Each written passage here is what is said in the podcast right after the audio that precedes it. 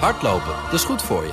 En Nationale Nederlanden helpt je daar graag bij. Bijvoorbeeld met onze digitale NN Running Coach... die antwoord geeft op al je hardloopvragen. Dus, kom ook in beweging.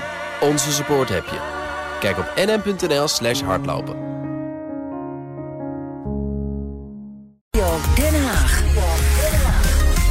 Twee dagen lang debatteert de Eerste Kamer over de pensioenwet. Vandaag en morgen zijn daarvoor uitgetrokken. Minister Carole Schouten moet de Senaat overtuigen dat de grootste hervorming in decennia echt noodzakelijk is.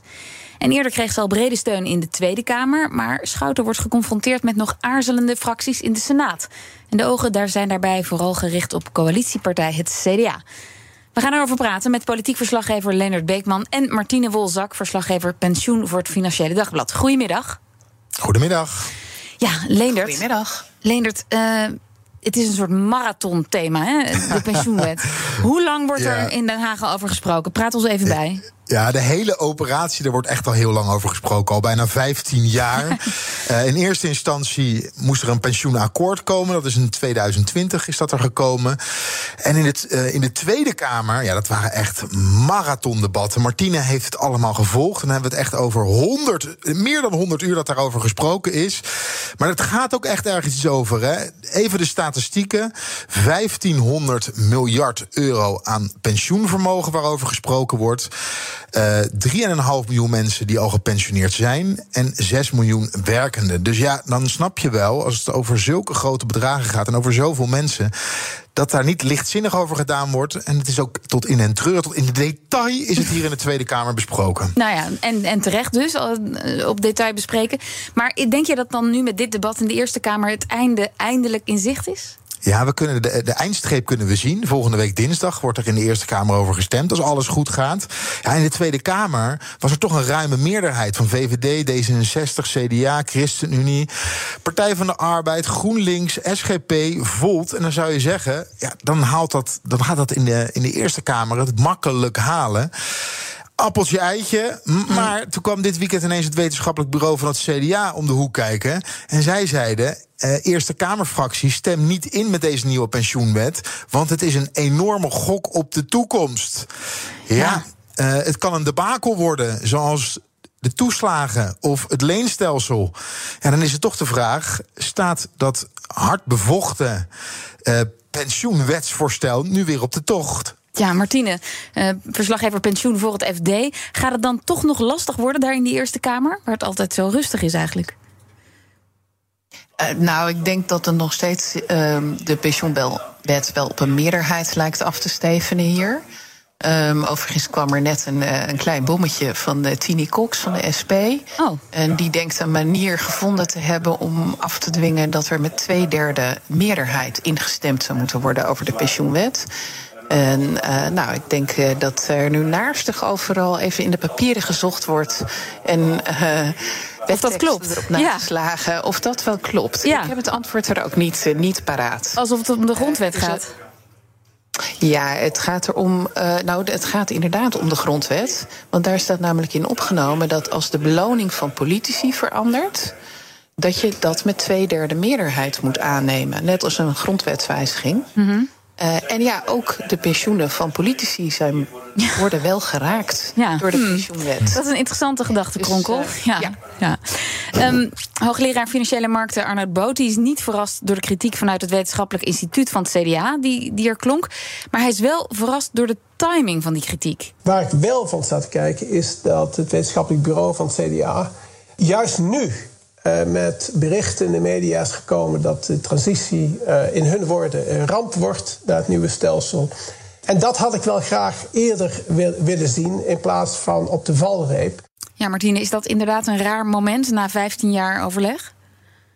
Nou, ik deel die verbazing. Ik ben ook eh, het hele weekend op zoek geweest naar openbare stukken van het Wetenschappelijk Instituut van het CDA.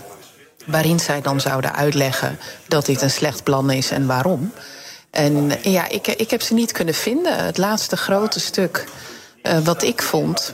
Maar ik ben niet onfeilbaar, uh, stamt uit 2014. En dat pleit eigenlijk juist op hele grote lijnen voor wat er Aha. nu voor ligt in de Eerste Kamer. Mhm. In hun eigen partijprogramma zeiden ze ook: wij steunen de pensioenhervorming, wij steunen het pensioenakkoord. Ja, dan hadden ze nog wel een paar wensen. Maar ook daar is het. Dus dat zo, ja, de Kamerverkiezingen zijn wel even geleden, maar ook nog niet zo lang geleden. En toen stond dat er gewoon nog in. En ja, belangrijker, uh, niet alleen ik en Arnoud Boot was uh, verbaasd over de timing, maar de eigen senaatsfractie hier in, uh, in de Eerste Kamer van het CDA was ook heel erg verrast. En die werden gebeld door de Telegraaf van wat vinden jullie hiervan? En hebben het daarvan moeten vernemen. Dus dat, ja, dat is wel een beetje een Oei, ja. van zaken. En Martine, stel de Eerste Kamer wil dan toch nog wat aanpassingen. Wat kan minister Schouten nog toezeggen? Nou, er zijn wel een paar, paar, ze hebben wel een paar noten op hun zang hier. Uh, ook het CDA trouwens, waar tot nog toe lijken die zich nou niet heel erg op de kast te laten jagen door het Wetenschappelijk Instituut. Uh, maar bijvoorbeeld de CDA-fractie, en dat geldt ook voor de Partij van de Arbeid, voor GroenLinks, voor 50PLUS, voor de SGP. Ja, die deadline die in de wet staat, dat per 1 januari 2027 alle pensioenregelingen aangepast moeten zijn en pensioenfondsen helemaal over moeten zijn naar dat nieuwe systeem. Uh, daarvan denken ze dat komt veel te snel. Uh, maar Van wil dan het liefst een novelle, zoals dat dan heet. Dan moet de hele wet terug naar de Tweede Kamer. Kan hij niet ingaan om die datum aan te passen. Maar GroenLinks vraagt dan van nou, als de minister toezegt dat mochten pensioenfondsen echt in de problemen komen, dat zij bereid is om dan een wetswijziging naar de Tweede Kamer te sturen. Nou, dan zou het kunnen dat wij daar wel genoeg aan meenemen. Oké. Dus uh, inhoudelijk zit het op één lijn. De weg daar naartoe is net iets anders. Ja, en, en uh, GroenLinks en Partij van de Arbeid... die willen dan weer toezeggingen over het eerder vervroegd pensioen... dus gaan voor mensen met een zwaar beroep. Um, is de minister daar gevoelig voor? Heeft ze daar oren naar? Dat weten we nog niet, want uh, de minister komt pas morgen aan het woord. Maar ze heeft in de Tweede Kamer, want daar hebben de Partij van de Arbeid en GroenLinks ook dit gezegd, ook wel duidelijk gemaakt dat ze in de loop van dit jaar met ideeën daarover zal gaan komen. Ook in gesprek met sociale partners, met werkgevers en werknemers. -hmm. Um, ja, de vraag is of die toezegging van ik, he, ik kom later dit jaar met een idee of GroenLinks en Partij van de Arbeid in de Eerste Kamer dat op dit moment voldoende vinden. Wij zullen eerst eens even moeten horen wat zij daar morgen op antwoordt. En, uh, en hoe die twee partijen daar dan op reageren. Ik denk dat die wel, wel graag iets meer binnen zouden ja. willen halen. En dan is er nog dat andere heikele punt, het invaren. Dat, daar, daar, nou, dat staat op veel weerstand. Uh, wat is dat ook weer precies? En staat dat nu ook ter discussie? Ja, daar gaan heel veel vragen over. En uh, het invaren, ja, dat is uh, pensioentaal voor het omzetten van alle pensioenregelingen van iedereen die op dit moment een pensioen opbouwt of al gepensioneerd is en die een pensioenuitkering krijgt, naar dat nieuwe systeem. En dat betekent dat als je beslist om in te varen als, als uh, in een sector, nou neem even de makkelijkste is ABP, dus de overheid spreekt af met vakbonden die werknemers in de overheidssectoren vertegenwoordigen. Wij gaan invaren. Dan moet het ABP alle pensioenen gaan omzetten naar dat nieuwe systeem. Ja, dat gaat bij ABP alleen al om 5 miljoen pensioenen, om 450 miljard aan vermogen. Dat is een hele grote klus. En ja, er is best wel wat zenuwachtigheid over. Gaat, kan dat wel goed gaan? Kunnen de pensioenfondsen en de pensioenuitvoerders dat aan? Zijn de spelregels duidelijk genoeg? En lukt dat voor 1 januari 2027? Ja. Uh, daar moet Schouten denk ik nog wel een beetje wat, uh, wat aarzelingen weg proberen te nemen. Wil zij een voorstem gaan krijgen. Ja, en dan is er ook nog het punt van die groep tussen de 40 en de 50, hè Kees? Dat die... dat die uh... ik ben onder de 40. ja, maar straks, straks niet meer. Ja, straks wel, ja. dat die degene zijn die dan juist in nou, nadelige gevolgen krijgen... Van, van deze nieuwe pensioenhervorming. En daar moet ook een zachte landing voor worden georganiseerd.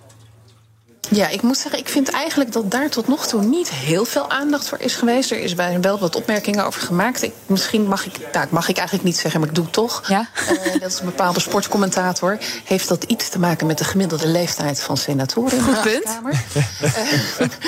uh, uh, ik, ik, zit zelf ook in de doelgroep die hier best belang bij heeft. Ehm, maar dat, nee, dat moet nee. uiteindelijk per pensioenfonds opgelost gaan worden. Maar bijvoorbeeld de Partij van de Arbeid heeft vandaag wel aan de minister gevraagd: van ja, maar hoe zeker bent u nou dat dat goed komt?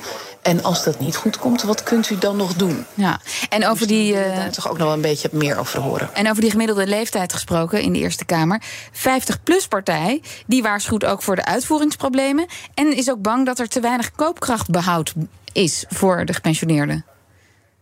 Nou ja, kijk, zij, zij hebben het inderdaad vaak over de gepensioneerden. Maar dat geldt uiteindelijk gewoon voor alle deelnemers in het pensioenstelsel. Dat ook voor de afgelopen 15 jaar zijn er in het huidige pensioenstelsel miljoenen pensioenen hm. niet geïndexeerd, zoals dat heet. Dus ja. je kreeg er niet een beetje bij als er hoge inflatie was. Of uh, waardoor koopkracht nou wel 25% achteruit gehold is. Dat geldt ook voor mijn pensioen in opbouw. Ja. Maar een gepensioneerde voelt dat veel eerder natuurlijk meteen in zijn portemonnee. Uh, en ja, meneer Van Rooyen van 50PLUS... die denkt dat het nieuwe pensioenstelsel daar geen verbeteringen in gaat bieden. Die zou liever gewoon een hogere rekenrente willen. En die denkt dat het dan allemaal goed komt. Ja, nou ja, daar is een flink deel van de Eerste Kamer het niet mee eens. En daar is ook geen meerderheid voor in de Tweede Kamer. Nou, minister Schouten komt dus morgen naar de Eerste Kamer. Dank jullie wel voor nu, Martine Wol Wolzak en Leendert Beekman. Dank... Hardlopen, dat is goed voor je. En Nationale Nederlanden helpt je daar graag bij. Bijvoorbeeld met onze digitale NN Running Coach... die antwoord geeft op al je hardloopvragen. Dus, kom ook in beweging. Onze support heb je. Kijk op nn.nl slash hardlopen.